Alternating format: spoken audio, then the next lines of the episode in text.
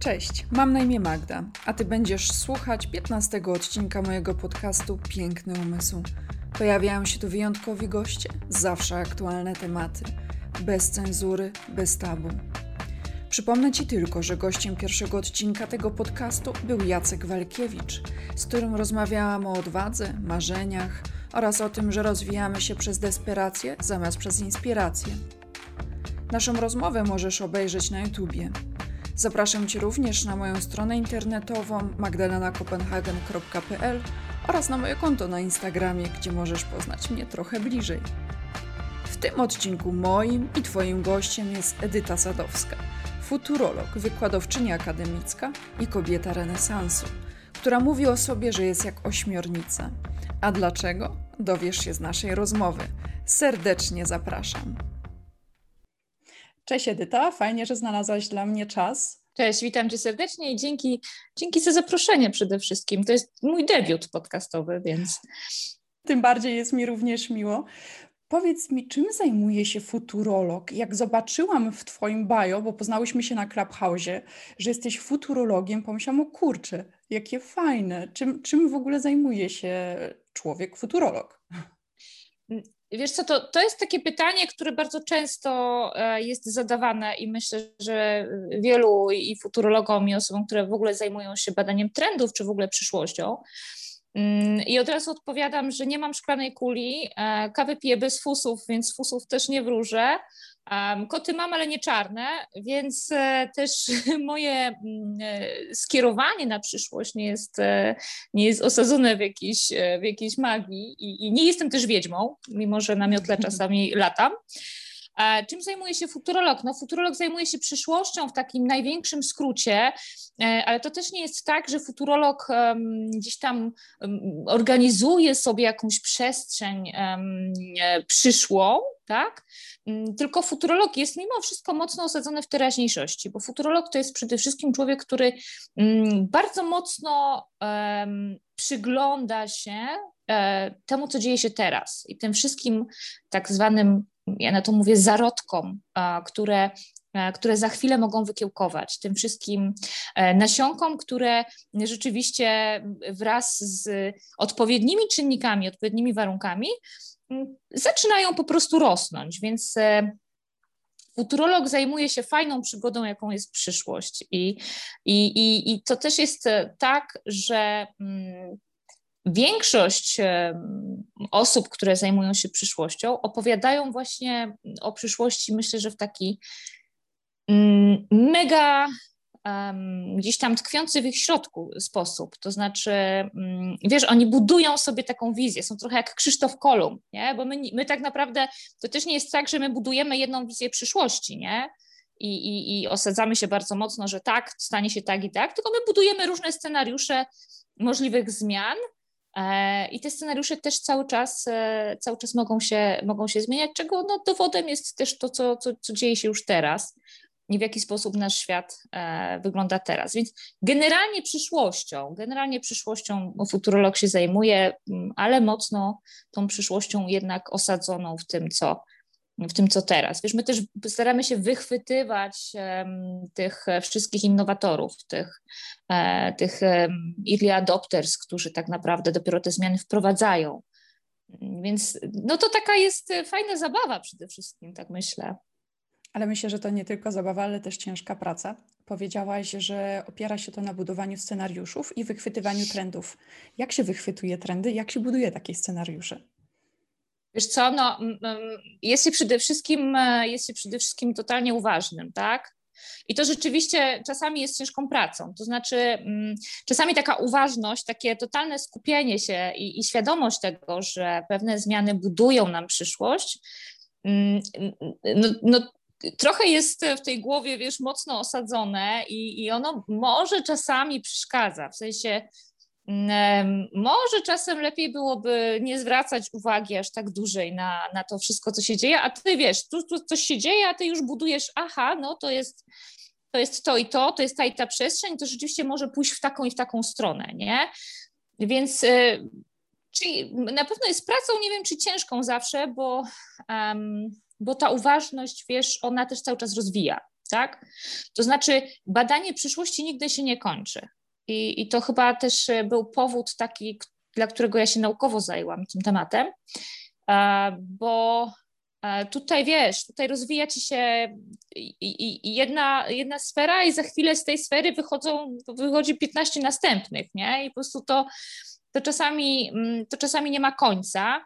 My ostatnio z Magdą Gacyk e, i z Twórcami Przyszłości rozmawialiśmy właśnie o narkotyzujących technologiach i, i wychwyciliśmy właśnie to, że mm, ten dostęp do informacji nie? i to, że my rzeczywiście możemy ten świat badać bardzo szeroko za pomocą chociażby dostępnych mm, komunikatorów czy, czy, czy platform internetowych, to też e, powoduje, że my wciąż jesteśmy głodni nie? Że, że, ta, że, że to nigdy nie jest zaspokojone, że chcesz sprawdzić jeszcze co dalej, albo co mówi na przykład inny raport, albo jeśli nie raport, to poszukamy w mediach społecznościowych, nie? Co się dzieje. Ja teraz przygotowując się do mm, wczorajszego y, spotkania na Clubhouse do Trendomierza, gdzie rozmawialiśmy o Silver Generation, to przede wszystkim e, skupiałam się na Instagramie i obserwowałam właśnie konta instagramowe osób, osób dojrzałych, silverów.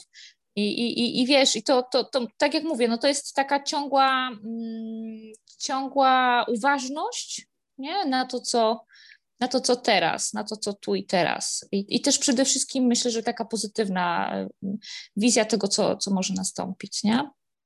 Czyli trzeba mieć wysoko, w motywacji wysoko ciekawość, żeby czymś takim się zajmować, e, żeby to nie było męczące, tylko właśnie, żeby zaczynać łączyć punkty, tak jak wspomniał Steve Jobs, żeby gdzieś te punkty miały połączenie między sobą. Wspomniałaś o Silver Generation. Dla tych ludzi, którzy nas słuchają i nie wiedzą, e, co, cóż to takiego, czy mogłabyś w paru zdaniach wytłumaczyć? Silver Generation to są, um, to są osoby, których my nazywamy seniorami. Ja tak staram się nie specjalnie nazywać e, dojrzałe osoby, osoby po 50 roku życia seniorami. Podoba mi się ta, ta nazwa mm, angielska Silver Generation. Nie ma takiego rzeczywiście mm, polskiego mm, polskiego, polskiej dobrej nazwy. Mówi się też o Power Generation, czyli osoby po 50 roku życia, ale osoby i tutaj myślę, że słowo, które e, bardzo często e, będzie nam się mm, w naszej rozmowie pojawiać, osoby, u których, znaczy na, na bazie obserwacji, których my możemy zredefiniować, e, i to ta redefinicja będzie się nam pewnie często pojawiać, zredefiniować starość. To znaczy, są to, są to osoby, które mm, zupełnie odchodzą od takiego naszego postrzegania typowego starości, nie? jako mm, jakiegoś wykluczenia, takiego końca. Nie? My do tej pory byliśmy przygotowani i przystosowywani, też tak rozumieliśmy życie, jako taki mecz piłkarski. Nie? Czyli jeszcze pierwsza połowa, już taki typowy mecz piłkarski e, polskiej, e, polskiej piłki, czyli pierwsza połowa, gdzie coś się dzieje, nie? edukacja, rodzina i tak dalej, i tak dalej. No i druga połowa, gdzie często gęsto już po prostu czekamy tej ostatniej minuty, nie? I kolejne przeformułowanie, to znaczy my przechodzimy wieloetapowe życie, nie? 50 plus to nie jest e, czas, kiedy wszystko się kończy, mm, a nawet, tak jak wskazują badania, to jest czas, kiedy ci ludzie mają swoje 5 minut, bo mają już odchowane dzieci, mają dosyć dobrą, stabilną sytuację finansową. E, I słuchajcie, no badania po prostu zaskakują ilość e, osób, które korzysta z internetu, które korzysta z Facebooka, które korzysta z, z Instagrama, z TikToka nie chcą korzystać. 1% tylko ankietowanych korzysta z TikToka, ale ja sama z TikToka nie korzystam, może po prostu go nie rozumiemy. E, ale rzeczywiście ludzie, którzy uprawiają jogę, którzy uprawiają sporty, którzy lubią się dobrze ubrać, cała ta, ta, ta przestrzeń związana z modą, no, niesamowita. My też wczoraj mm, mieliśmy świetną gościnę Ole, e, Ole Laudańską, która mm, zajmuje się w ogóle mm, Silver Generation i ona opowiadała po prostu o kobietach, które tu, tu ukute, nie pamiętam teraz autorki, e, postmenopauzalny rozkwit zupełnie inaczej funkcjonuje kobieta w tym okresie. Czyli odchodzimy od takiego okresu, wiesz, menopauza i w ogóle no to już jest koniec naszej kobiecości. Są kreatywne kobiety, które zaczynają pisać y, poezję, erotyki po prostu. No robią masę, masę przeciekawych rzeczy e, i to są kobiety 50 plus, 60 plus, 70 plus. E, jeszcze nie do końca e, taki wyklarowany obraz 80 plus, ale rzeczywiście w perspektywie radykalnego wydłużenia ludzkiego życia za chwilę tych 80-latków będziemy spotykać um, na ulicach i to będą fajnie ubrani ludzie w trampkach, którzy, którzy dalej będą z życia korzystać i z życia czerpać. I to jest mega, mega fajne też, że my już dzisiaj staramy się budować właśnie taką, taką wizję, taką strategię, jakiś scenariusz na przyszłość bardzo pozytywny. To znaczy, my pokazujemy też pozytywne um, strony tego okresu 50, plus, tak? I to zarówno już dziś pokazując osoby z Silver Generation, które dużo robią, ale też dużo powstaje projektów. Jednym z takich projektów jest Era Nowej Starości, kiedy my przygotowujemy, podpytujemy milenialsów, jak oni chcą, żeby wyglądała ich starość. Tak? Czy jak oni chcą funkcjonować, co oni chcą robić. Więc już duża dawka takiego projektowania tak naprawdę mm, swojej e, przyszłości, nie? To jest bardzo fajne i bardzo się cieszę, że zaczyna się o tym mówić. Pamiętam, jak w zeszłym roku na Festiwalu Inspiracji rozmawiałam z Lidią Buksak, która jest znaną mówczynią polską. I Lidia spojrzała się na mnie i mówi: Nie martw się, Magda, życie zaczyna się po pięćdziesiątce. Ja tak stałam i myślę, no to jeszcze trochę sobie poczekam, nie? Ale to było takie fajne, bo to też jest dla mnie przykład kobiety, takiej um, silnej, i znającej swoje możliwości, bardzo kobiecej kobiety, która właśnie rozkwitła faktycznie e, w okolicach pięćdziesiątki. I to też jest taki, taki impuls, że życie właśnie zaczyna się po tej pięćdziesiątce, a nie się kończy. Tak jak wcześniej, nie wiem, zaczynał się kryzys wieku średniego 40-50, to teraz właśnie zaczynamy dostrzegać tego zalety. Jak powiedziałaś, zaczęłam się oczywiście automatycznie zastanawiać, jak ja sobie wyobrażam swoją przyszłość i tutaj już film się odgrywał i pamiętam jak e, jeszcze z 10-15 lat temu rozmawiałam, moja siostra jest ode mnie 15 lat starsza, i rozmawiałyśmy o tym, że jak będziemy już babciami, będziemy siedziały gdzieś e, na jakimś wybrzeżu, będziemy piły dobre wino um, i patrzyły na zachody słońca. I też się już z jednej strony cieszę, jestem bardzo taka ciekawa, jak ta moja. Um, może starość, no starość będzie wyglądać. E, też ostatnio Kasia Puzyńska zapytana, e, czy nie boi się o to, jak będą wyglądać jej tatuaże, powiedziała, właśnie jestem ciekawa, jak one będą wyglądać, jak właśnie już szarzeją, jak ta skóra się pomarszczy, tak więc to, co mówisz, to też...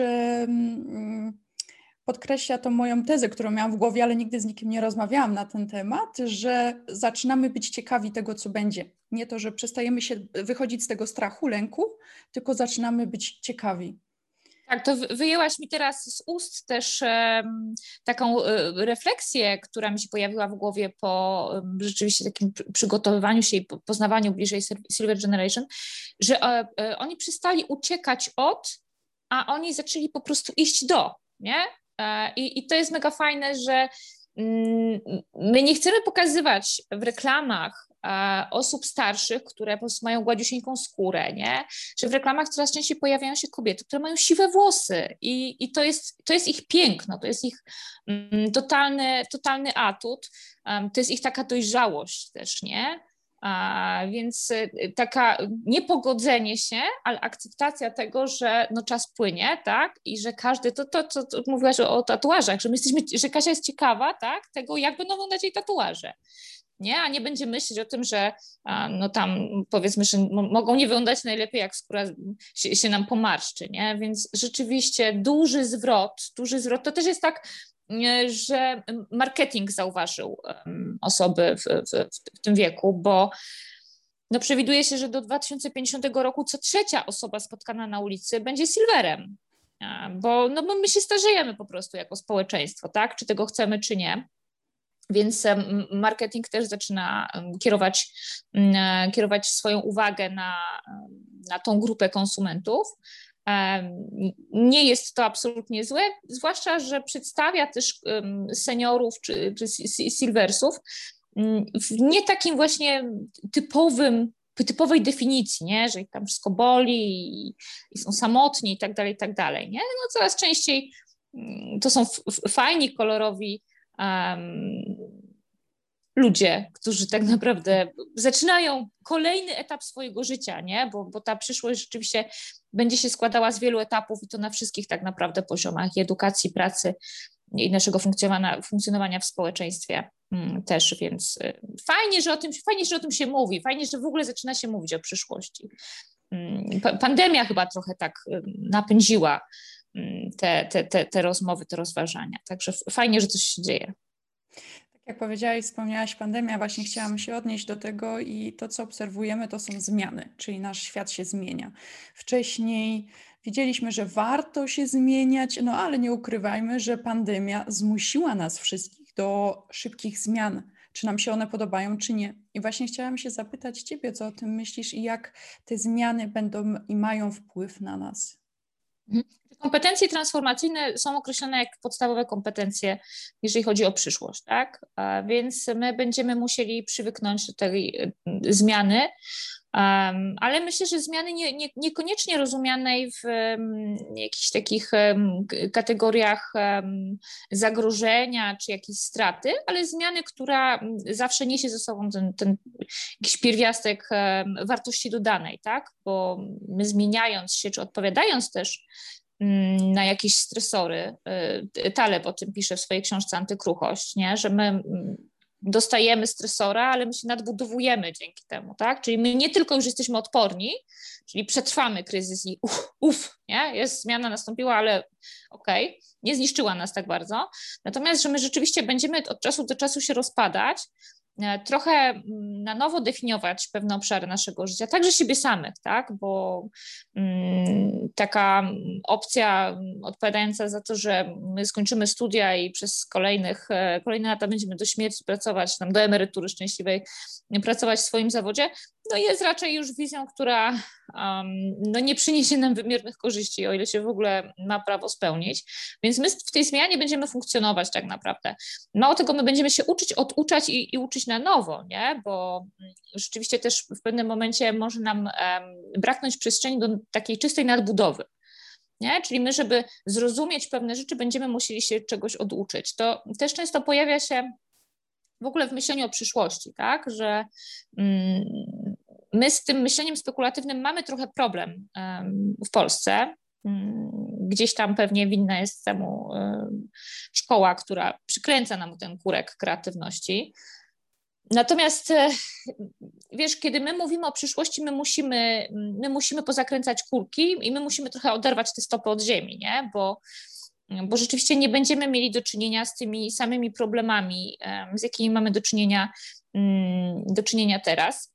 I, i, I, to też jest tak, że każdy z nas oczywiście jest zdolny do tego, żeby, żeby w ten sposób um, myśleć, w ten sposób um, budować tak naprawdę swój scenariusz przyszłości, tylko trzeba sobie pozwolić na to, żeby gdzieś, gdzieś te wizje mogły, mogły latać. Ja zawsze jak czuję, że za mocno jestem e, uziemiona, to y, siadam na przykład na biurku, nie? Jak, ma, jak człowiek macha nogami, jak człowiek macha nogami, to od razu staje się marzycielem. I, i, i nie trzyma nic tak, tak mocno ziemi, nie? Więc trochę takiego dzieciaka się, się w nas wtedy robi, więc zachęcam, jak ktoś chce się oderwać od ziemi, myśląc o przyszłości, siadać na biurku i machać nogami. Wtedy ta, ta wizja w ogóle pozytywna jest, e, no jest myślę, że lepsza. Teraz dzięki Tobie zrozumiałam, dlaczego tak bardzo lubię się huśtać. Jak widzę jakąś huśtawkę z, taką, z takim mocniejszym już um, łańcuchem, że wiem, że się nie zarwie pode mną, to od razu biegnę w jej kierunku. Też miałam kiedyś doświadczenie, już zapomniałam jak się nazywał ten jeden rodzaj jogi, że właśnie na takich chustach się wisi i uczy się oder... Mhm Dokładnie. Uczucie oderwania od ziemi było tak fantastyczne i faktycznie nigdy nie zdawałam sobie sprawy z tego, co się dzieje w tym momencie w moim mózgu, ale masz rację, bo zaczynamy wracać do tego, co było kiedyś, jak byliśmy dziećmi, mieliśmy pootwierane te umysły Powiedziałaś też bardzo ważną rzecz, że możemy się tego nauczyć. Już wiemy, że wystarczy na przykład usiąść na biurko, czyli zmienić perspektywę po prostu. Tak. I w jaki sposób możemy jeszcze kreować tą pozytywną wizję naszej przyszłości? Wiesz co, ja, ja przede wszystkim um, myślę, że trzeba na przyszłość patrzeć w kategoriach wyzwania. I to chyba też um, był ten impuls, kiedy ja bardzo mocno um, oderwałam się od e, tematów, którymi gdzieś tam naukowo zajmowałam się na samym początku, mm, bo ja, ja cały czas potrzebowałam sprawczości, tak? Mi, mi brakowało mi w tych takich e, e, twardych, naukowych tematach rzeczywiście takiej przestrzeni do tego, żebym ja mogła coś rzeczywiście w jakiś sposób sprawczy budować też swoje, swoją karierę, swoje życie naukowe, nie? I ja zamieniłam słowa. Ja w ogóle bardzo lubię zamieniać słowa, bo to, to, to dużo robi, nie? Moim ulubionym zamienieniem jest udało się, nas zrobiłam. Więc e, to też w kontekście przyszłości, nie? że a może się uda, no najprawdopodobniej nic się nie uda. Mm, wszystko trzeba zrobić, nie? I, i, i to buduje moc sprawczą, ale też zamieniać zagrożenie na wyzwania. Mhm. Bardzo często i w salach akademickich też rozmawiając z młodymi ludźmi, spotykałam się z tym, że my mówiąc o przyszłości mówimy zazwyczaj mm, zagrożenia związane z automatyzacją, zagrożenia związane z rozwojem sztucznej inteligencji, tak? Zagrożenia związane i my w ogóle jak, e, wiesz, ja, ja zadawałam czasami na przykład studentom jakąś przestrzeń do pracy, nie? radykalne wydłużenie ludzkiego życia, to oni automatycznie zaczynali mówić o zagrożeniach. Nie?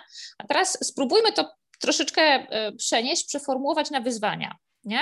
Bo wyzwanie, w ogóle samo wyzwanie, ono już wybudza nas takie, takie o, trzeba coś zrobić, nie?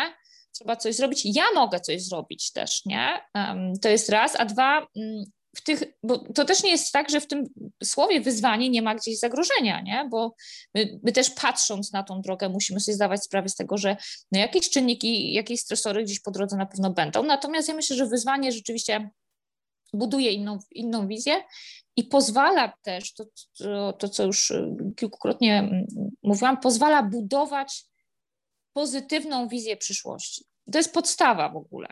E, I, i to jest gdzieś też taka moja mm, chyba misja, taka edukacyjna i, i też taka potrzeba wychodzenia poza mury akademickie. I to jest bardzo proste. No jeżeli widzisz e, jakąś negatywną wizję przyszłości, no to co robisz? No bierzesz nogi za pas i po prostu uciekasz, no bo no nie stajesz i nie machasz jakimś tam mieczykiem, mówisz, nie, nie, ja teraz będę walczyć, nie? Natomiast w momencie, kiedy zaczynasz, wiesz, kreować e, e, taką pozytywną wizję przyszłości, no to ona jest sprawcza. No ty się, za, ty się momentalnie zaczynasz zastanawiać, no co ja mam zrobić, nie? Jakich narzędzi mogę użyć? Co, jeżeli będzie tak, jeżeli będzie tak, jeżeli będzie tak?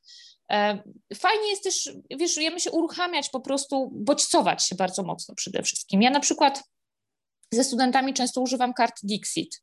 To jest taka gra strategiczna i, i, i my też budujemy sobie różne historie, nie? Y, na, na, na, na, podstawie tych kart, które pobudzają, pobudzają wyobraźnię. Budujemy różne strategie, tak? Um, si, si, moi studenci siadają na biurkach, mało tego, moi studenci czasami, uwaga, uwaga, wchodzą pod biurka, ponieważ żeby być dobrym krytykiem, to jest, to jest w ogóle genialne narzędzie e, coachingowe, zmienne pozycje, pozycje percepcyjne, tak? Czyli po prostu jest dylemat, jest jakaś wizja, którą trzeba skonstruować, no to siadamy na biurku, siadamy na krześle i wchodźmy pod biurko, żeby nam było ciasno. Nasz mózg w momencie, kiedy nam jest ciasno, automatycznie buduje nam zupełnie inną wizję, tak? Więc mamy już trzy tak naprawdę możliwe gdzieś tam przestrzenie do sklejenia. I, I, to cały czas robi nasz mózg, ten sam, ten jeden, jedyny, który mamy, mamy w głowie, więc przede wszystkim chyba, chyba postrzeganie przyszłości jako wyzwania, nie? Takie oddrukowanie sobie, myślę, tych zagrożeń. I ja wielokrotnie zastanawiałam się nad tym, no skąd to się w ogóle bierze, o, o, o co chodzi, czy to się bierze z klucza, do którego my jesteśmy gdzieś tam przyzwyczajeni. Wiesz, kiedy na przykład proszę studentów o to, żeby mm, opowiedzieli mi o social mediach, nie? i gdzie między mną a moimi studentami no jest przynajmniej 15 lat różnicy. I, I kiedy ja po prostu uwielbiam social media i uważam, że to jest świetna przestrzeń taka networkingowa, tak? I to w ogóle do dzielenia się wiedzą. I, teraz, zwłaszcza teraz, kiedy ten content tak naprawdę wchodzi mm, coraz mocniej. A moi studenci, którzy, wiesz, no, funkcjonują w tym świecie, nie? Oni od razu mi piszą pierwszy slajd na prezentacji, zagrożenia związane z social mediami. Ja mówię, ej ludzie, no o co wam, o co chodzi w ogóle? No każdy ma konto na Facebooku, na Instagramie, najprawdopodobniej w ogóle nie chcecie go odłączyć, a, a od razu, wiesz, jakieś zagrożenia się pojawiają, nie? Więc oddrukowanie sobie wtyczek, tak, uwolnienie się od, od, tych, od tych zagrożeń, mm, robotyzacja zabierze nam pracę, wiesz, jakieś takie historie nie, nie, nie, nie z tej ziemi, po prostu taki, taki apokaliptyczny cyberpunk, nie? Nie, nie, to, to, to nie w tą stronę. Dokładnie. E, wiesz, boimy się tego, czego nie znamy, ale tak samo, tak jak e, wspomniałaś o mediach socjalnych, ja zawsze mówię, to jest narzędzie i zależy, jak go wykorzystam. No tak samo jak ludzie słyszą, że jestem terapeutką hipnozy, od razu zapierają dech w piersiach i boją się w ogóle spojrzeć na mnie i usłyszeć cokolwiek. I ja mówię, no słuchaj, to, to jest po prostu narzędzie terapeutyczne i od każdego zależy, jak zostanie użyte, czy tak samo jak temat NLP, czyli neurolingwistycznego programowania. Mm -hmm. I tutaj zawsze podaję przykład chociażby z nożem, że nożem możesz ukroić kawałek chleba, możesz kogoś zabić. Tak samo samo będzie media socjalne e, czy nawet czy Instagram, czy nawet teraz te Clubhouse, e, może uzależnić, jeżeli faktycznie powiedziałaś o bodźcowaniu. Ja chciałabym powiedzieć, żeby to osoby, które nas słuchają, żeby wiedziały, znały różnicę. Nie chodzi nam o przebodźcowanie, które właśnie sobie robimy mediami socjalnymi, na przykład informacjami. Chodzi o mądre wykorzystanie tego, co daje nam świat. I mhm. właśnie no, przykład w ogóle z wchodzeniem pod biurko jest genialny. Ja już od razu przypomniałam sobie, jak byłam i myślę, że wielu z nas, jakby byliśmy dziećmi, e, kładliśmy koce nawet e, pomiędzy krzesłami, żeby zmniejszyć tą przestrzeń i w ogóle jako dorośli tego nie robimy. Ale nie wiem jak ty, na przykład jak moja siostrzenica, która ma 8 lat, e, rozkłada faktycznie koce i kartony i robi sobie domki, to ja chętnie wchodzę z nią nawet do tego i to jest, nigdy się nie zastanowiłam dlaczego więc e, to jest bardzo fajne i w ten sposób się bodźcować, tak? Czyli nie chodzi nam o przebodźcowanie, tylko e, celowe bodźcowanie, żeby rozwijać tą e, kreatywność. I to jest właśnie będzie clue tego wszystkiego, żeby właśnie zastanowić się, po co nam to, jak, co mogę z tym zrobić, to co już mam, z tymi zasobami, które mamy, a teraz mamy tyle zasobów, więc e, no wszystko jest przed nami, prawda? Dokładnie, dokładnie. Wiesz, ja, ja myślę, że my w ogóle jesteśmy takim sprytnym ssakiem, nie? Że my potrafimy, naprawdę, jak my słuchamy siebie, to my potrafimy tak skonstruować swoją przestrzeń, że my naprawdę jesteśmy kreatywni. No, no, nie, bez, nie bez kozery jesteśmy w tym miejscu, w którym jesteśmy, może nawet trochę za daleko i trochę tak z, z niezrównoważonym rozwojem, ale potrafimy się komunikować, e, potrafimy też mm, wymyślać pewne rzeczy, nie? Tylko, tylko dajmy sobie po prostu przestrzeń do tego, nie? Ta kreatywność, no to, to też jest jedna z kompetencji przyszłości. Kreatywność, kooperacja, też otwarcie. Ja myślę, że to pandemia tutaj, też otwarcie na, drugo, na drugiego człowieka, nie? Budowanie takich, takich relacji rzeczywiście mm, bardzo inspirujących. To, to, to, to mam wrażenie, że COVID Mm, tutaj przyspieszył, e, przyspieszył taki, taki że, że mimo, że nas zamknął w domach, nie, to on dał nam przestrzeń, taką bardzo, bardzo dużą przestrzeń networkingową. I ja sama też po sobie widzę, że absolutnie no, to przez półtorej roku to, to po prostu totalna rewolucja e, się zdarzyła. Dokładnie tak jak powiedziałaś, że starasz się wychodzić poza te mury akademickie, wykorzystując media socjalne. Jest, e, można Cię usłyszeć na Clubhouse, można poczytać to, co publikujesz na Instagramie. E, co myślisz właśnie o takim wychodzeniu poza mury akademickie? Jak to możemy robić? Jak możemy jeszcze wykorzystać te media nasze? Ja w ogóle myślę, że mm, to w ogóle jest konieczne, tak? Bo ja gdzieś głęboko w sobie mam takie przekonanie, że jeżeli my mm, z tym swoim, z tą swoją rolą społeczną, bo też zaczynam, staram się przestawać używać słowa zawód, bo, bo to też zaczyna być trochę mm, konieczne do przeformułowania. Z tymi swoimi rolami społecznymi, zamykanie się w murach akademickich i w murach um, uniwersyteckich, Mm, jest trochę egoistyczne. I mm, mnie po prostu zaczęło się też robić ciasno, nie? To znaczy ja mam, ja mam rzeczywiście potrzebę takiej trochę misji, nie? trochę opowiadania o tym, um, o tym, gdzie idzie świat. Zresztą mój największy inspirator, czyli mój mąż, po prostu zawsze mnie popychał do tego, żebym opowiadała. Ja, ja na, na, samym początku zainspirowana byłam totalnie ideą nieśmiertelności, długo, długowieczności. I po prostu ja mu wieczorami opowiadałam codziennie o tym, co, co to będzie, jak będziemy nieśmiertelni, jakie to w ogóle wyzwania są przed nami i tak dalej, i tak dalej, i tak dalej. I on też mnie inspirował do tego, żebym e, zaczęła o tym mówić szerzej, nie? bo, to, no bo to, to, jest, to jest fajne, tego się fajnie słucha przede wszystkim. Nie? Zresztą my w ogóle bardzo mało w szkołach też mówimy o przyszłości. My, my strasznie skupiamy się na przyszłości. Nie? Ja nie mówię, że to jest absolutnie złe, tak? Bo budując przyszłość, my też musimy na czymś bazować, nie? Natomiast e, miałam taką potrzebę wejścia właśnie w, w opowieść o Mm, o przyszłości. I rzeczywiście mam takie wrażenie, że w mediach społecznościowych, czy na Instagramie, czy no Clubhouse to w ogóle już e, totalna przestrzeń dla, dla mm, networkingu. Spotkałam nagle osoby, które też o tym mówią. I, i to było takie, myślę, że mega mm, inspirujące dla mnie, że, to jest ważny temat, że ludzie się tym zajmują, że ludzie o tym mówią, że inni ludzie chętnie ich słuchają, nie? że chętnie też pytają, wchodzą w dyskusję. Mm, e, Clubhouse w ogóle jest taką przestrzenią, która przede wszystkim po pierwsze jest tu i teraz, więc to jest taka magia, że to nie jest nagrane, nie? że to, e, to też jest tak, że tam może przyjść każdy i zapytać cię o wszystko, nie? więc bardzo szybko też Clubhouse, mam wrażenie, weryfikuje mm, e, po prostu pasję E, nie? I, i, I spotkałam tam rzeczywiście masę osób z pasją. Mało tego, magia mediów społecznościowych to też jest to, że my spotykamy się w takich grupach nawet już nie interdyscyplinarnych, ale, ale transdyscyplinarnych. To znaczy, w ogóle mówiąc o przyszłości, my musimy być e, takimi mm, trochę generalistami.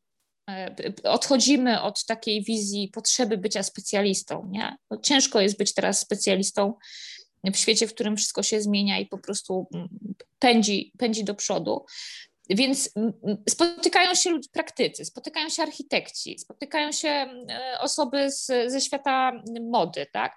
Mało tego, spotykamy się tak naprawdę mieszkając w ogóle w różnych częściach świata, nie? E, kiedy my mamy zupełnie inne podejście do, do przyszłości. My w czwartkowym pokoju, patrząc w przyszłość, co tydzień spotykamy się z Magdą Gacyk, która e, do nas mówi z Doliny Krzemowej, czyli po prostu ze środka e, tego, co technologicznie się dzieje.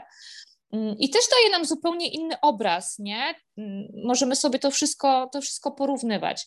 Więc ja jestem zakochana w social mediach. Poza tym social media też, wiesz, ja mam wrażenie, że one skracają trochę takie nasze poznawanie ludzi do którego my byliśmy przyzwyczajeni, nie? Czyli tak jak ja na początku sobie myślałam, hmm, muszę teraz napisać maila, hmm, szanowna pani, czy znajdzie pani czas i tak dalej, i tak dalej, i tak dalej. Moje, dużo, bardzo dużo moich relacji w, w, social mediach, zresztą my też się poznałyśmy w social mediach, tak? Była na zasadzie na przykład, nie wiem, e, złapałam hmm, zdjęcie czyjeś w relacji, nie? I patrzę, o, ma te same książki, co ja mam na biurku, nie? No to tych swoje zdjęcia i odsyłam, nie? I w taki sposób zbudowałam naprawdę całkiem sporo e, relacji, nie tylko z gdzieś tam osobami w naszym wieku, tak, ale też z osobami, na przykład moim ostatnim odkryciem jest dr Jakub e, Szczepański, filozof, którego po prostu pozdrawiam serdecznie, którego też poznałam na, na, na Clubhouse'ie, E, który wprowadza filozofię w ogóle w, w, biznes e, i pokazuje, że jaskinia Platona, w zeszłym tygodniu mieliśmy taką rozmowę, jaskinia e, Platon, Platona, a współczesny leadership, nie? W ogóle to pokazanie tego, że wszystko po prostu wraca, nie? Wszystko się kotuje, wszystko się mieli. Gdyby nie Clubhouse, gdyby nie Instagram, no pewnie bym go nie poznała, nie? Bo, bo nie wiem, czy na konferencji na przykład na tych konferencjach, które kiedyś się odbywały, nie? To wszystko było takie, ja mówię i potem wychodzę, jadę do domu, nie? Tutaj, tutaj to się mieli, to jest też prostsze, wiesz? Ja, ja chcę porozmawiać z Magdą, piszę do Magdy, nie? I przy cześć Magda.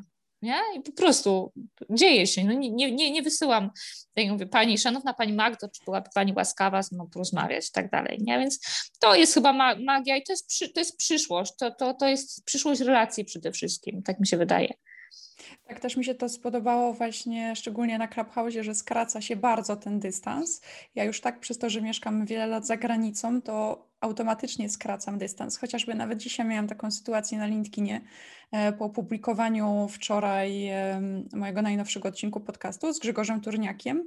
Nawiązały się nowe znajomości, bo tak to działa. I też poprosiłam osobę, która do mnie napisała, że może mi pisać na ty, że no nie będziemy się wygłupiać. I ta osoba też napisała, że tak, że chętnie to robi, ale w Polsce jeszcze jest tak, że jednak jesteśmy zdystansowani. I pomyślałam, dzięki Bogu mamy te media socjalne, dzięki Bogu powstał Clubhouse, czyli właśnie Instagram, gdzie automatycznie piszemy, czy się dyta i um, przeskakujemy od razu do kolejnego etapu, ale to jest właśnie takie ludzkie, takie fajne, takie autentyczne. Ja też miałam sytuację na Clubhouse, że nie wiem, od razu z kimś, a cześć, nie wiem, Tomek, Radek i potem patrzę na LinkedIn, z kim ja rozmawiałam i sobie myślałam, wow, w ogóle szok, że po pierwsze, że tak bezpośrednio miałam kontakt i możliwość w ogóle porozmawiania z taką osobą, już zostaliśmy od razu znajomymi, tak jakbyśmy się znali nie wiadomo jak długo i to jest fantastyczne i tak jak powiedziałaś, to już jest właśnie ta nasza przyszłość, czyli to są te szanse i nie tylko zagrożenia. Ostatnio na Clubhouse słyszałam w jednym z pokojów bardzo fajne określenie na temat właśnie wyzwania, bo bardzo często też jeszcze wyzwanie i tak się nam, wyzwanie już jest lepsze niż zagrożenie, ale mhm. często nam się z jakimś wysiłkiem kojarzy, a usłyszałam zaproszenie i pomyślałam, kurczę, faktycznie, to jest takie mhm. zaproszenie do czegoś Zaproszenie nowego. do przyszłości, fajne, fajne, no. I teraz Podoba jak, mi się. jak powiedziałaś e, na temat e, słów, w ogóle zaczęłam się zastanawiać intensywnie, powiedziałaś słowo zawód. No zobacz, zawód, zawodzić. Tak więc tutaj mhm. też można się mhm. pobawić już w językoznawstwo, że e, będziemy zawiedzeni, jak będziemy tkwić tylko w jednym zawodzie, więc to taka zabawa słowna, ale coś w tym jest. Ja zawsze czułam, że wcześniejsze lata nie były moim czasem z tego względu, że oczekiwano od nas, że będziemy specjalistami w jednej rzeczy. I jak robiłaś wiele rzeczy, na przykład interesowałaś się wieloma tematami, to w niczym nie byłaś dobra. I tu akurat widzę zalety czasu, który teraz mamy, że jest wręcz odwrotnie, że jak interesujesz się tylko jedną rzeczą, no to to już jesteś, no nie, nie, nie, no trzeba się rozwijać i trzeba się interesować i dlatego też zawsze mówię, na chwilę obecną pracuję jako terapeutka, bo ja nie wiem, co ja będę robiła za 15 lat czy nie, nie wiem, czegoś sobie nie wymyślę jeszcze innego. Więc to jest, to jest właśnie fajne, żeby w ten sposób kreować. Um, czyli to, co powiedziałaś, czyli bodźcować się, otworzyć umysł. Jak jeszcze możemy kreować naszą przyszłość? Jak w ogóle nasza przyszłość będzie wyglądać? Hmm. No, nie da się postawić jasnej, wiesz, jasnego obrazu, jak będzie wyglądać. No ja jestem totalnie podjarana paroma tematami um, odnośnie do przyszłości. Totalnie podjarana jestem metaversum.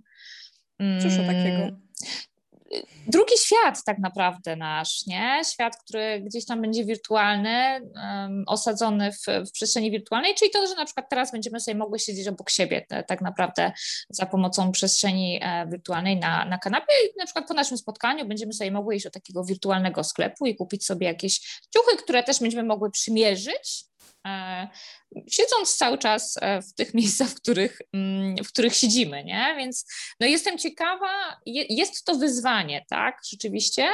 Jestem ciekawa, jak technologia sobie z tym, z, z tym, z tym poradzi.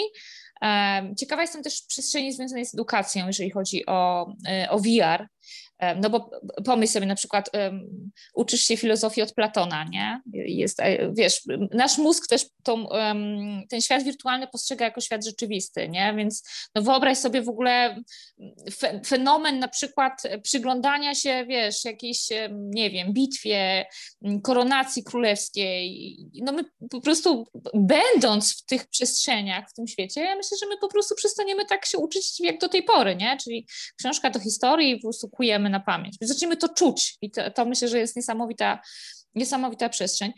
Totalnie jestem zajarana e, nieśmiertelnością. To, to, jest takie, to jest taka przestrzeń, która mnie nieustannie trawi moje trzewia od już paru lat.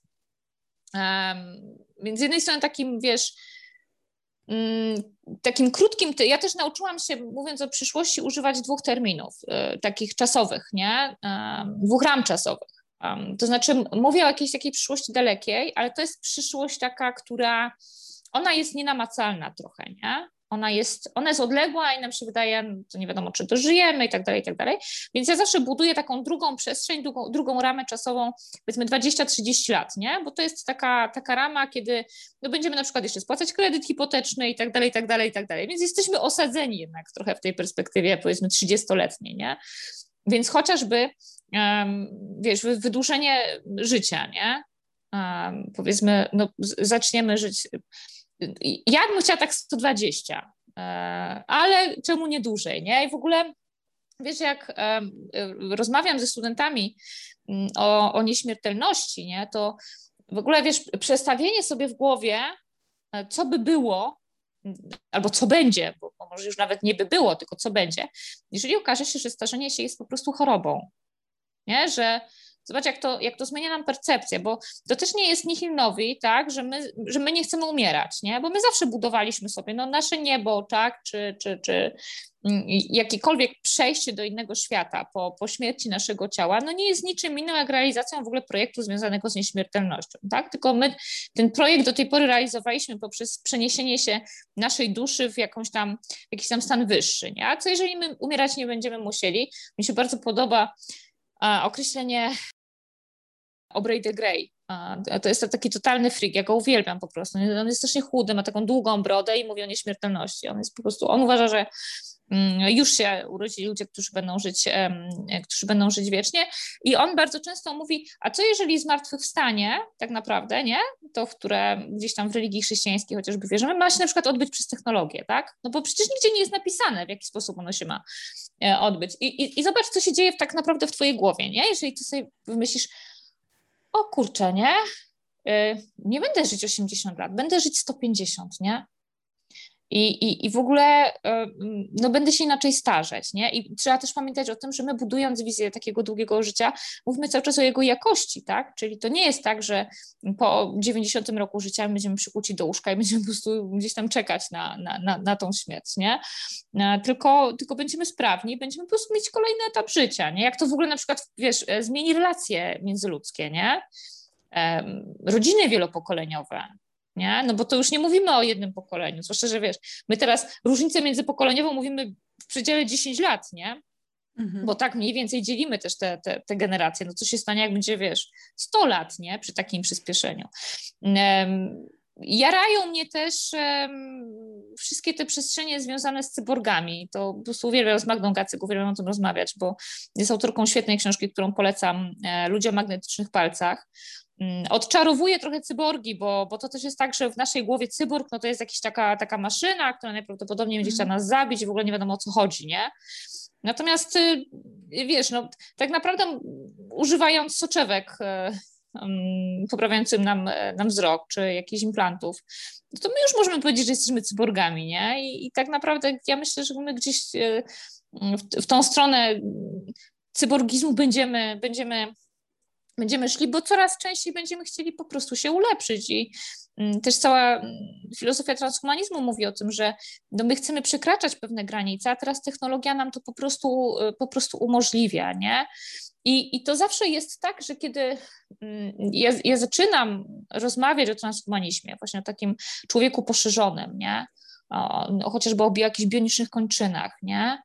Mm, to budzi się w ludziach takie, o nie, w ogóle co to jest, jakieś zabawy Boga, czy, czy, czy coś takiego nie, nie do końca spójnego z, z, z, nami, po czym mm, wraz wiesz, z poznawaniem tak naprawdę tych przestrzeni okazuje się, że kurczę, no przecież my już to dzisiaj robimy wszystko, nie, tylko e, raz, że my sobie nie zdajemy sprawy z wielu rzeczy, bo ta technologia wchodzi nam trochę z drugiej strony, trochę od tyłu, nie, Um, I to nie jest tak, że tak, my dzisiaj decydujemy się, żeby po prostu wszyscy ściągali nasze dane, tak? E, ale chętnie instalujemy aplikację, więc no nie zdajemy sobie też sprawy z wielu, z wielu przestrzeni, ale kiedy powie się e, o zbieraniu na przykład danych, tak, no to my mówimy przeciw, nie?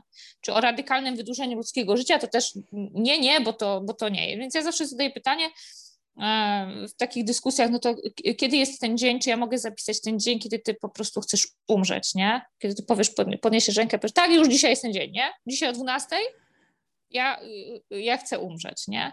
To idealnie śmiertelności, radykalnego, radykalne wydłużenie ludzkiego życia jest odpowiedzią na taką, myślę, że naj, naj, najbardziej trawiącą trzewa, trzewia ludzką potrzebą, nie? Bo, walką ze śmiercią po prostu, tak? No i my dziś zaczynamy to robić. Jest to bardzo ciekawe i przyznam, że jak pierwszy raz zauważyłam, że jesteś aktywna właśnie w pokoju na Clubhouse dotyczącym nieśmiertelności, pomyślałam sobie, co ja tam będę wchodzić, co ja tam nic nie wiem na ten temat, ale z tego, co cię słucham, to ja wiem bardzo dużo na ten temat i faktycznie to już się dzieje. Czy chociażby wchodzimy w temat slow aging, gdzie już się zajmujemy właśnie jak poprawić jakość i wydłużyć życie, czy chociażby właściwie zdałam sobie sprawę dzięki Tobie teraz, że ja się też tym niejako zajmuję, bo chociażby e, stosując hipnozę, gdy na moich klientach też pomagam im wydłużyć i polepszyć jakość życia. Tak więc cały czas to robimy i tak jak powiedziałaś, czy chociażby to są te nowoczesne protezy, czy um, technologie, z którymi mamy do czynienia, to, no to my już to robimy. I teraz to zatacza właściwie krąg z początkiem naszej rozmowy, czyli Silver Generation. Tak sobie pomyślałam, że, że spójrzmy chociażby na Stinga, który jest w takiej formie. Byłam dwa lata temu na jego koncercie. Ja, ja siedziałam i ja mówię, nie. Po prostu facet 90 minut e, śpiewał bez przerwy. Miałaś wrażenie, patrząc na niego, że on nawet przez sekundę nie był zmęczony, ale to jest właśnie to, jak on żyje i korzysta z tych technologii, korzysta z tych możliwości. Tak więc e, myślę, że ta nieśmiertelność będzie właśnie związana z tym, żeby, tak jak powiedziałaś, otworzyć się na możliwości, które daje nam świat i mądrze je wykorzystać, e, żeby nie traktować wszystkiego jak zagrożenie, i właśnie to, to w ogóle mi się zaczęło mm, kojarzyć e, z nurtem, który powstał niedawno, czyli z pozytywną psychologią, czyli z, baz- z opieraniem się i koncentrowaniem na tym, co jest fajne, co jest pozytywne, czy nawet um, pozytywna seksualność, pozytywna psychologia, wszystko takie, żeby widzieć te szanse, tak jak powiedziałaś, a nie mhm. tylko strach, zagrożenie um, i wycofywanie się. Wiesz, to też to, o czym powiedziałaś um, przed chwilą odnośnie technologii i korzystania z nich, nie? To taki dosyć mocny trend związany z cyfrowym humanizmem, nie? Który um, no, zaczyna coraz mocniej wchodzić um, do mainstreamu, czyli to, że tak naprawdę to my e, współtworzymy technologię, nie? Że um, technologia nie jest dla nas zagrożeniem, że ona ma nam pomagać tak naprawdę, bo, mm, no bo ona jest po to, żeby, żeby nam pomóc, żeby nam zoptymalizować życie, nie? Mm, to chociażby jeżeli chodzi o, o, odnosząc się do rynku pracy, nie? bo to, to jest taki temat wiodący, jeżeli chodzi o technologię, automatyzację, sztuczną inteligencję, czy roboty zabiorą nam pracę i tak dalej, i tak dalej, i tak mhm. dalej. No przypominam, że to już nieraz nie, nie też się wydarzyło, bo chociażby maszyna parowa, tak, mm, czy wynalezienie druku, mm, to też zabrało komuś pracę, ale w to miejsce pojawiło się masę, masę innych nowych przestrzeni do tego, żeby pracować, nie? I My też mówiąc o technologii, bardzo często um, pojawia się takie, wiesz, um, taki trochę strach przed technologią, a nie zauważamy tego, że my tak naprawdę z tą technologią współpracujemy, no bo no, umówmy się, no kto ma mapę w ogóle samochodową w aucie, nie? Mm, no raczej nie. Mało tego, y, cieszymy się, kiedy mm, świadomie używany system rekomendacyjny podpowiada nam jednak, e, co nas może zainteresować, jaka książka chociażby, więc my nie musimy wertować 50 stron z pozycjami, nie wiem, e, nauki społeczne, nie? tylko mniej więcej też algorytm jest nauczony. Oczywiście mówię świadomy, tak? bo to też jest istotne, żebyśmy byli świadomi absolutnie w tej technologii. Ale te wszystkie urządzenia, ja kiedyś pamiętam, rozmawiałam też na Clubhouse odnośnie właśnie takiej automatyzacji tego, um, tam jedna osoba dosyć mocno wypowiada się, że, że nie, więc no ja już po prostu nie mając argumentów użyłam najbardziej brutalnego i zaproponowałam wyniesienie pralki z domu, nie? No bo no pralka to też jest technologia, tak? To, że my nie rozpalamy ogniska, żeby ugotować sobie obiad, no to też jest technologia, nie? Tylko my też, to Kevin Kelly zawsze tłumaczył, że My w ogóle technologią nazywamy zazwyczaj to, co przyszło po naszym takim już świadomym urodzeniu, nie? Dlatego zobacz, osoby czy nasi rodzice nie uważają za zagrożenie telewizji. Nie? Jak dziecko ogląda telewizję, no to spoko. Znaczy generalnie nie za dobrze, ale spoko, nie? No ale jak już bierze telefon, to o matko, nie? Telefon ma, nie? Tylko, że dzieciaki, pokolenie alfa to jest pokolenie, które urodziło się w ogóle w totalnie już cyfrowym świecie i dla nich telefon jest po prostu przedłużeniem ręki, nie? Dlatego mm, też e, myślę, że tu musimy zrozumieć technologię, nie? Że no, no nie zatrzymamy postępu. No chociażbyśmy chcieli i, i wyszli w, w, ramach protestu wszyscy na ulicę jutro wieczorem, nie wiem, palili ogniska, no to nie, technologia się nie zatrzyma, postęp się nie zatrzyma. Kwestie związane z radykalnym wydłużeniem ludzkiego życia też się nie zatrzymają, bo chociażby dlatego, że Dolina Krzemowa się starzeje i tam po prostu spompowana masa pieniędzy, żeby, żeby jak najdłużej być, być młodym chociażby te wszystkie mm, preparaty związane z utrzymaniem takiej jasności umysłu, sprawności umysłowej, nie? czyli i, i, i jogi, bo też mówiąc o postępie, nie możemy mówić tylko i wyłącznie o technologii, nie? Ale zobacz, no, cała przestrzeń związana z psychologią, tak? Z, z, z jogą, z digital detox, tak? To wszystko też dzieje się w odniesieniu do, mm, do postępu, z naszym odżywianiem i tak dalej, i tak dalej. No, no cała masa takie holistyczne zdrowie, nie? To też to, o czym ty powiedziałaś mm, odnośnie psychoterapii, tak? Czy, czy w, w, w kontekście właśnie wydłużania życia i, i zdrowia psychicznego przede wszystkim, nie? To się wszystko dzieje i myślę, że im szybciej to zaakceptujemy i zdamy sobie z tego sprawę, tym będzie lepiej właśnie w temacie zmian, ale też e, znowu podkreślę, żeby patrzeć na to jak wyzwanie, jak na szansę, a nie jak na zagrożenie. Wiem, że piszesz również artykuły, nie też masz w planach książkę i tak przyszło mi przez myśl, co byś powiedziała o, napisanie, o napisaniu na temat e, przyszłość odczarowana że bo właściwie to, co mówisz, to tak odczarowuje trochę te nasze przekonania, te nasze obawy i pokazujesz taką bardzo ludzką stronę, taką wręcz o, ja to znam, tak? To, co się przed chwilą ze mną stało, gdzie zrozumiałam, kurczę, ja się właściwie tym zajmuję, będąc bardzo nieświadomą. Więc taki pomysł. E, I a propos mhm. przyszłości, powiedz mi, jakie ty masz plany na przyszłość? Ojej, to wiesz, to jest mega fajne pytanie, bo ja mam tych planów po prostu całą masę. I, i, i ja pamiętam e, też w ramach e, Clubhouse, mieliśmy kiedyś w ramach Twórców Przyszłości takie spotkanie, mega inspirujące. E, kim, kim będziesz, kiedy dorośniesz? Nie? Zobacz, jak to otwiera głowę w ogóle, nie? A przed czterdziestką, kim będziesz, kiedy dorośniesz w ogóle, tak? Mm, wiesz, ja, ja funkcjonuję w takich, w takich etapach. Bardzo różnych długością też, tak?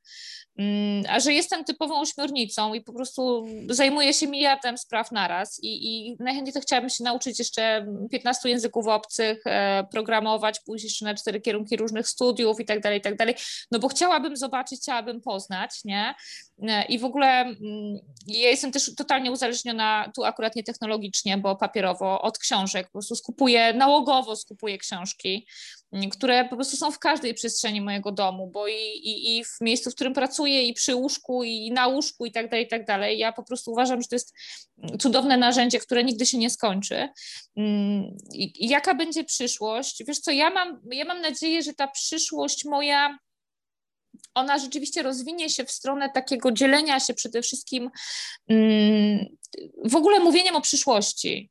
Wiesz, bo to też jest tak, że mm, ja bardzo długo, mnie się bardzo długo wydawało, że że, że to nie jest do końca potrzebny temat, to tak jak wspominałam Ci wcześniej, nie? Albo że ja na przykład jeszcze nie jestem, to takie typowo polskie, mm, typowo polsko-kobiece, że ja nie jestem jeszcze gotowa o tym, że, żeby o tym mówić, nie? Że ja jeszcze powinnam przeczytać 120 książek i 1500 artykułów i wtedy ja będę mogła być ekspertem, bo też taka wizja eksperta jest w nas gdzieś tam wbudowana, nie?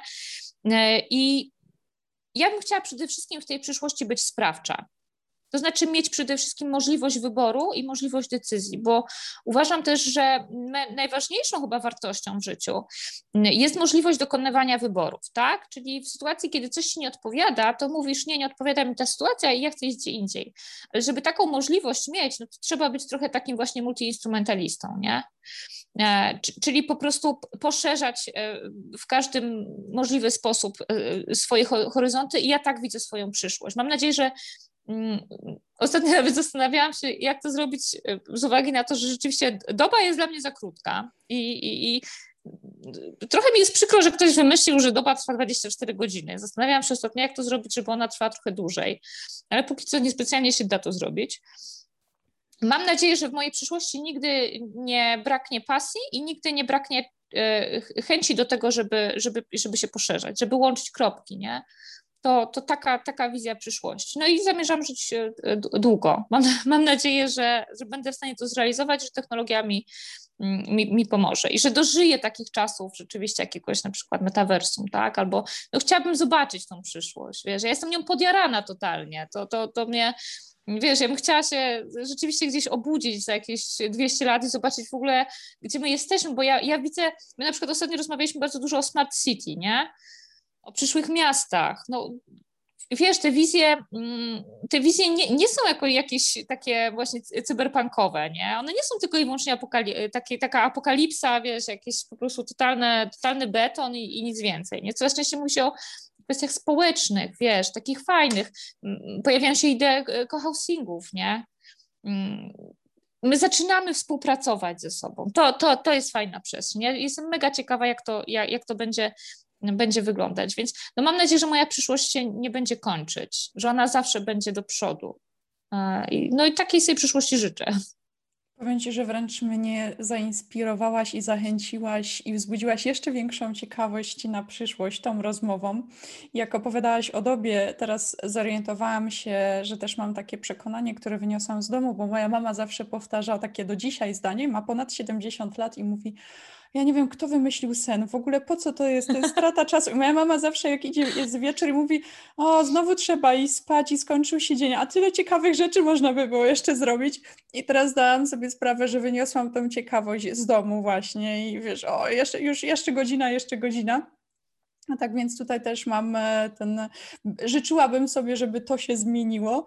Um, no ale to jest tak, wiesz, jak człowiek się interesuje, sama powiedziałaś, wieloma rzeczami, no to, to, to się już nie zmieni, ale też e, bardzo jestem ciekawa tej wizji, że nasze życie nie będzie się kończyć około setki, tylko będzie dłuższe.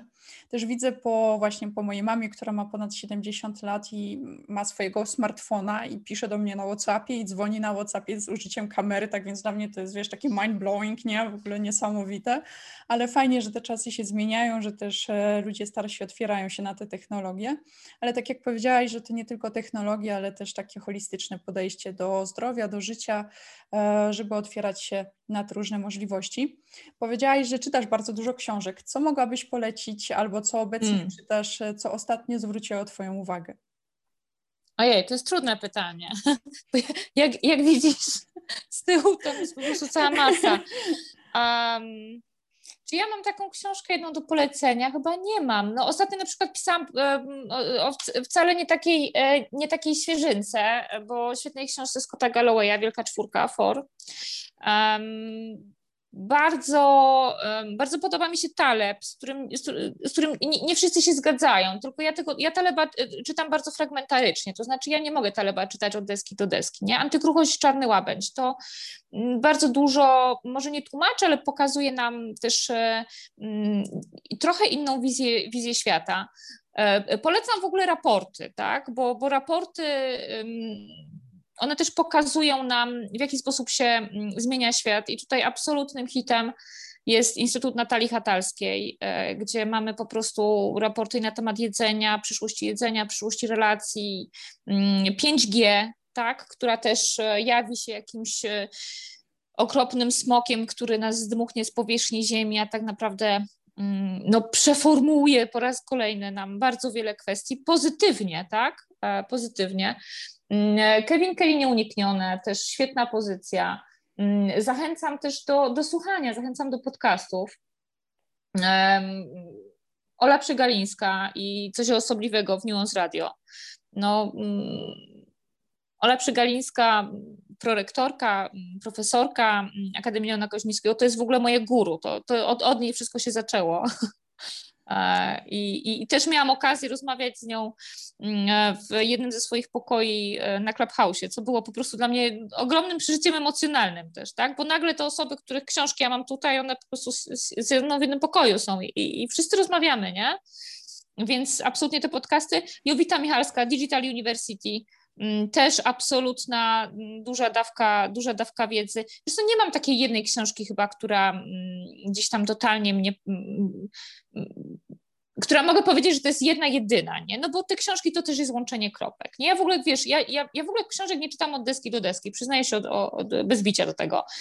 Dlatego przy moim y, y, łóżku jest zazwyczaj kilka pozycji, bo ja po prostu je przykładam, nie? I to jest też fajne, że my jesteśmy w stanie tą wiedzę składać w klocki, nie? Budować tak naprawdę. Albo też wyciągać, nie? Jak się nazywają te klocki, które się układa taką wieżę i też wyciągasz, nie? Jenga. Jenga, no, no. nie? I też zobacz, wyciągasz czasami i wydaje ci się, rozwali się, nie? A ty wyciągasz, to stoi, nie? I, I to też chyba tak w myśleniu o przyszłości. Czasem trzeba coś wyciągnąć, którąś wtyczkę. Mm, po prostu. Czasem trzeba przeczytać też książkę, która spowoduje, że ty przedefiniujesz, nie? Wszystko. I ty zaczniesz się zastanawiać, o kurczę, no albo zanegujesz, nie? Zanegujesz podstawę. No, za, zaneguj śmierć, nie? No nie ma w życiu nic bardziej pewnego niż podatki i śmierć, a ty nagle mówisz, że ty nie musisz umierać. W ogóle co się dzieje w głowie, nie? Jak ty się zaczniesz nad tym mm, zastanawiać. Także no dużo tych pozycji jest, dużo pozycji jest i, i myślę, że internet też jest, też jest takim, takim miejscem, w którym mm, można dużo inspiracji dużo inspiracji złapać. W kontekście nieśmiertelności absolutnie polecam Obrej de Grey, na, na TEDzie jest parę wystąpień.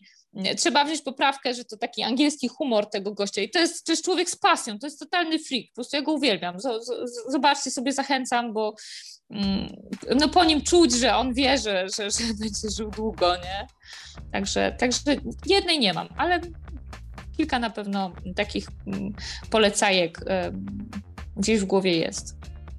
Doskonałe zakończenie tej rozmowy. Dziękuję Ci za tyle inspiracji, za świeże nowe spojrzenie na przyszłość i na technologię i na to, co się dzieje właśnie teraz na temat zmiany.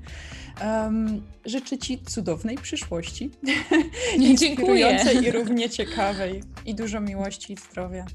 Dziękuję bardzo i, i też wszystkim Wam życzę y, przede wszystkim otwartej głowy i, i zdolności zakręcenia kurków i żebyśmy się spotkali w metaversum za 120 lat. Tak będzie. Dziękuję Ci bardzo. Dzięki, trzymaj się.